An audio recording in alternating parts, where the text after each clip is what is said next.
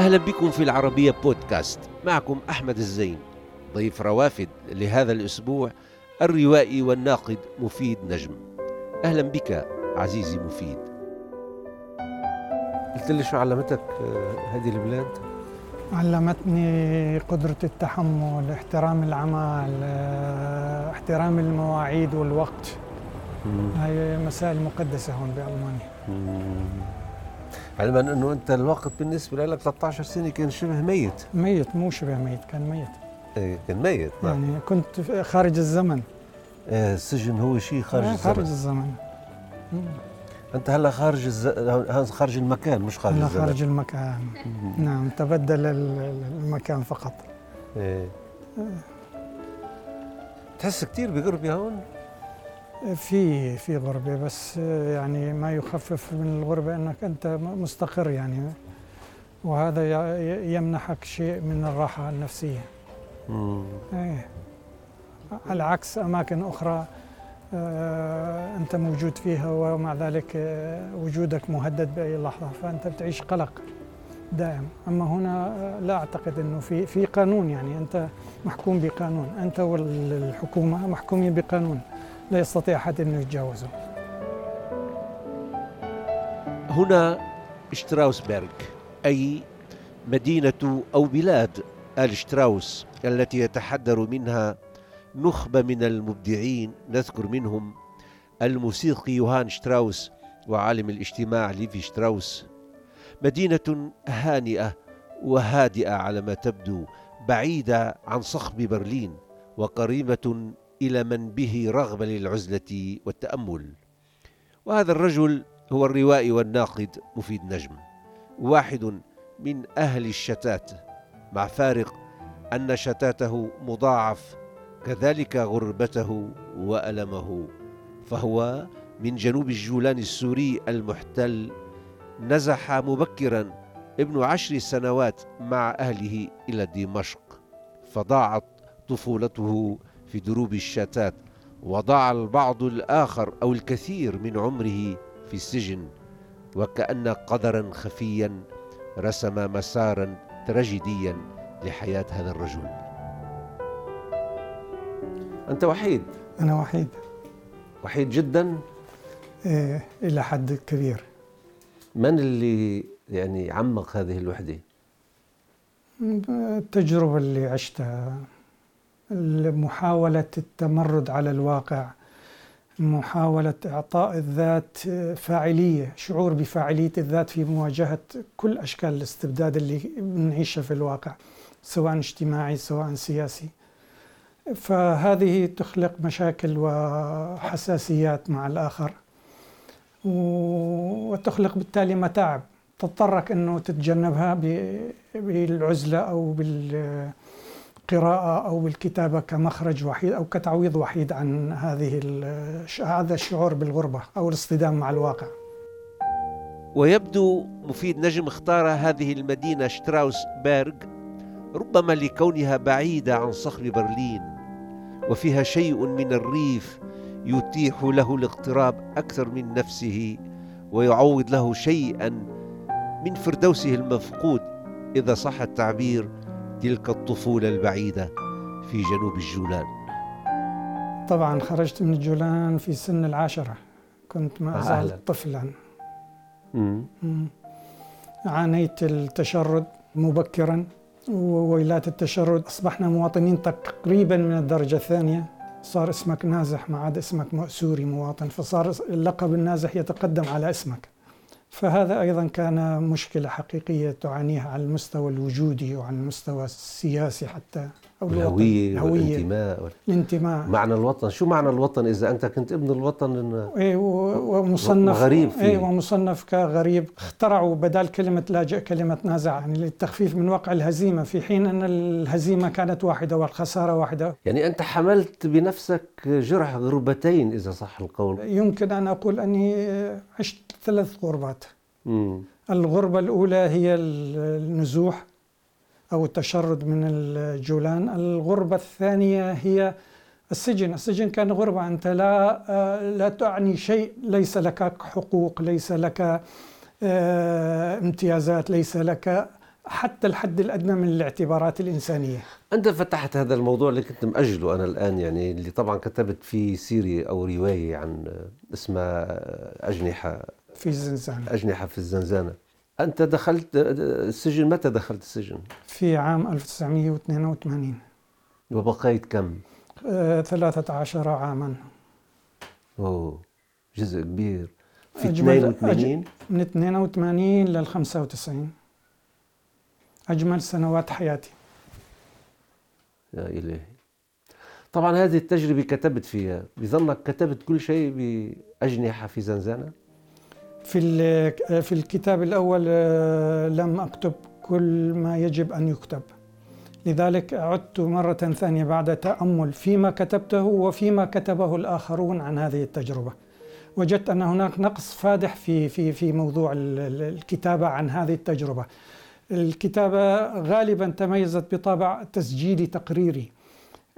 وقائع وأحداث لإدانة النظام على العنف الذي كان يمارسه آه، بحق المعتقلين.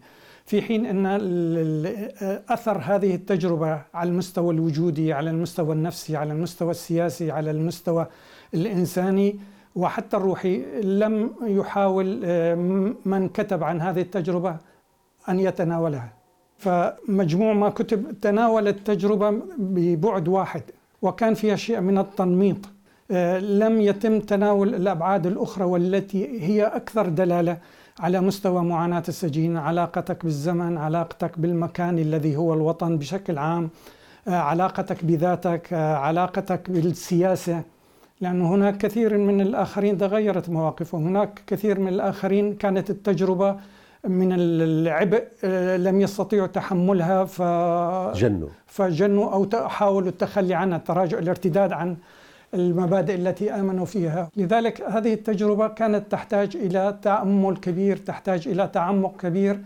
آه، هناك مستويات أيضا في معاناة السجن. لا تستطيع أن تقارن مثلا سجين المحاكم الميدانية مع سجين الأحزاب اليسارية. شو التهمة اللي دخلت فيها أدخلوك فيها للسجن؟ التهمة هو الانتماء إلى تنظيم معادي بهدف قلب نظام الحكم ومعاداة النظام الاشتراكي في سوريا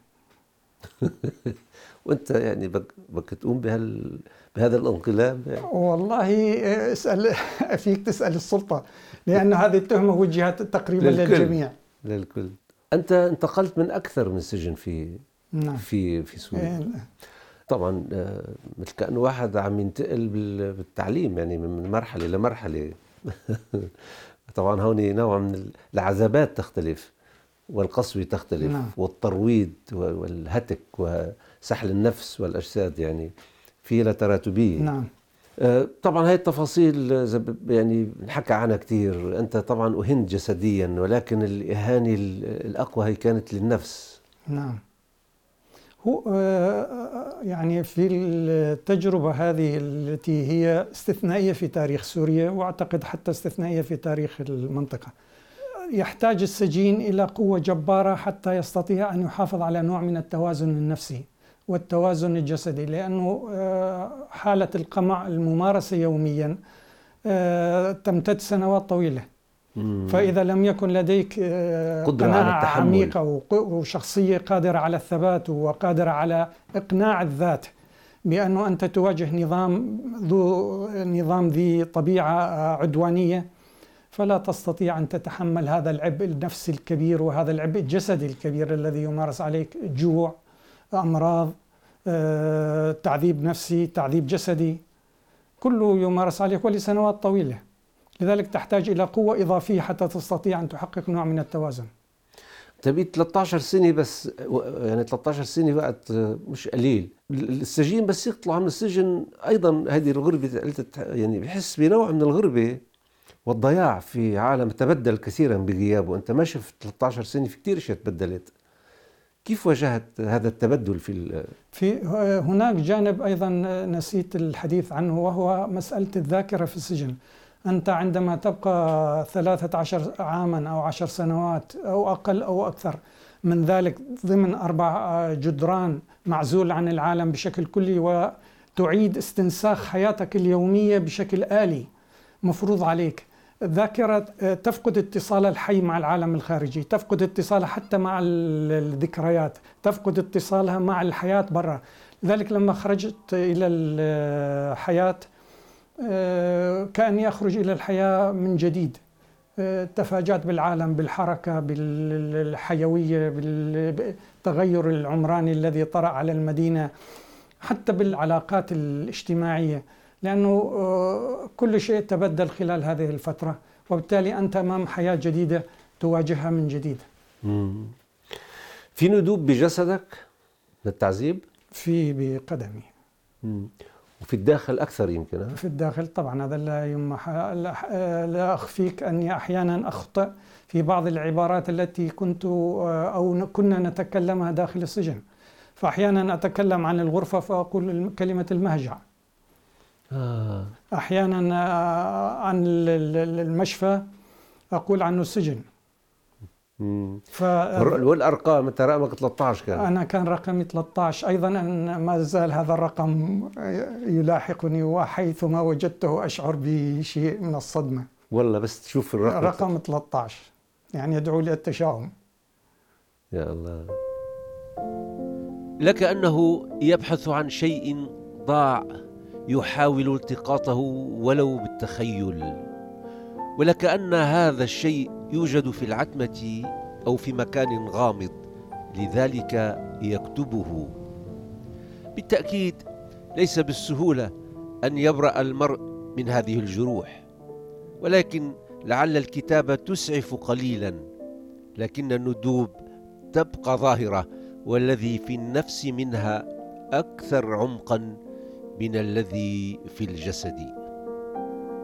أنت آه، طبعا عم تعيش في بلاد هي عاشت تجربة تجربة مريرة مثل كما تعيش دمشق الآن يعني سوريا بشكل عام والعراق واليمن لبرلين والمانيا يعني بحرب بحرب شرسة جدا يعني دمرتها وحولت البشر إلى حطام. صح. حتى الآن يعني لم يشفوا منها. ولكن هن آه، قدروا يبدو قدروا طلعوا من هال طلعوا من هالنفق وبنوا ثقافة وحياة مختلفة. وحتى بعض السجون اللي موجودة ببعض المدن أنا زرتها ما بعرف إذا زرت سجون هون أنت. كمان حولوها لمتاحف. متاحف صح. زرتوا هول السجون في ببرلين إيه. ببرلين. بظنك في أمل في أمل إحنا بلادنا يعني هذا الدرس اللي هو بعده يعني شغال يعني المأساة بعدها والتراجيديا بعدها قائمة يعني فصولات تتوالى تتوالى. ولكن في أمل المستقبل المنظور. والله لست متفائلا. لا أخفيك أنه التغيير الذي حدث آه، ليس بفعل داخلي فقط حتى في ألمانيا. هناك عوامل دولية ساهمت وهناك عوامل داخلية ساهمت. وبالتالي إذا لم يتم يتحقق التكامل ما بين الوظيفة الخارجية والوظيفة الداخلية فلا أعتقد أن تحولا مهما. خاصة وأن المنطقة تمضي نحو الأسوأ وليس نحو الأفضل. واضح نعم. وبالتالي في أي تفاؤل يمكن آه، أن يصاحبك وأنت ترى الصورة تزداد قتامة والوضع يزداد تعقيدا وضياعا. نعم نعم. يعني تبدو بهالإطار يعني أو بهالسياق ذاته تبدو يبدو الغرب والعالم أصبح يعني وألمانيا أنت حيث تعيش وطنا بديلا عن عن عن سوريا للكثير من السوريين. هناك ما يفوق المليون سوري في ومن كل طبقات المجتمع مثقفين نعم. وعمال نعم.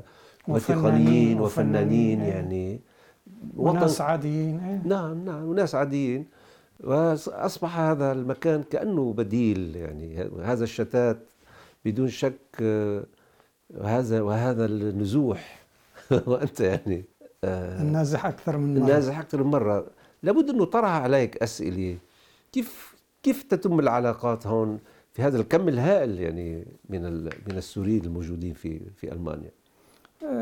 هناك مستويات من العلاقة. نعم. يعني هناك مجتمع ألماني آه، يفوق الثمانين مليون. فمن الصعب أن أن يكون جميع هؤلاء الملايين على قناعة واحدة أو على موقف موحد. هناك فئات ما تزال آه، من اليمين المتطرف ما تزال على آه، أعداء أو رافضة لمجيء المهاجرين. المهاجرين وخاصة بعد 2015 و2016 أيضا المشكلة الأخرى المقابلة هناك لاجئين أتوا إلى هذه البلاد ويحملون نفس الثقافة ومصرين على نفس الثقافة مم. وبالتالي مثلا مسألة الطلاق التي يكثر الحديث عنها في في ألمانيا بين السوريين تحديدا سبب هذا عدم القدرة على التكيف وعدم قبول الواقع الجديد التكيف معه بشروطه الخاصة أنت أتيت من مجتمع إلى مجتمع من ثقافة إلى ثقافة من عالم إلى عالم. تحتاج إلى آه، مرونة في التعامل مع الواقع الجديد والتكيف معه. هذه بتعمل أزمة. تعمل أزمة حقيقية وبالتالي يعني لنقل أن العلاقة ليست على ما يرام. مم. حتى على مستوى اللاجئين أنفسهم. ما تزال ال- العقلية التقليدية التي كانوا يعيشون فيها آه، موجودة هنا. في علاقاتهم مع بعضهم البعض.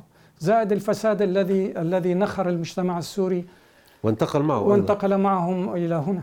ولكن هذا مش تعميم مش يعني بدون شك هناك في كثير ناس نجحوا. أنا قلت لك هناك مستويات. است- نعم نعم. هناك مستويات سواء بالنسبة للألمان أو بالنسبة للاجئين. للاجئين. ولكن هناك استثناءات وهذه الاستثناءات هي التي تعكر صفو هذه العلاقة أو استمرارية هذه العلاقة. نعم نعم نعم. بدون شك يعني هيدي ه- يعني هذه المناخات هذه بتطرح عليك الكثير من الأسئلة حول آه، سؤال الهوية مثلا سؤال الانتماء سؤال الاندماج سؤال العودة يعني آه، آه، تبدو الأمور كما ذكرت أنه مقفلة ما في أمل يعني نعم. بالأفق أنه هذا النزوح الكبير هذا الشتات أنه سوف يعود إلى إلى بلاده وأنت بتتابع الأعمال الدرامية الروائية خلينا نقول. الرواية عم تتناول هذا الموضوع بعمق أم الآن فقط هيك محاولات في كتابة هذا هذا الشتات الأسطوري؟ لنقل أن التجربة الروائية مثل التجربة الشعرية ما تزال في بداياتها وبالتالي آه، تحتاج إلى وقت حتى تنضج سواء الرؤية إليها أو استيعابها وفهمها آه، وتمثيلها آه، سرديا. هذه تحتاج إلى زمن تحتاج إلى تراكم مسافة. تحتاج إلى وعي آه، متنامي وقادر على استيعاب هذه التجربة والتمثيل وتمثيلها تمثيلا صحيحا من كل جوانبها. لأنه هذه التجربة تتعلق آه، بأولا أعداد كبيرة وشرائح مختلفة ونتائجها أيضا كبيرة على المستوى العام. ال- الوجودي على مستوى الهوية على مستوى العلاقة مع الوطن على مستوى العلاقة مع الآخر أو الرؤية للآخر رؤية الآخر إليك وعلاقته معك. إذا هناك جوانب كثيرة مركبة تحتاج إلى وعي إضافي وتحتاج إلى مزيد من التعمق ومن القدرة على تمثل هذا الواقع. حاولت أنت تكتب شيء؟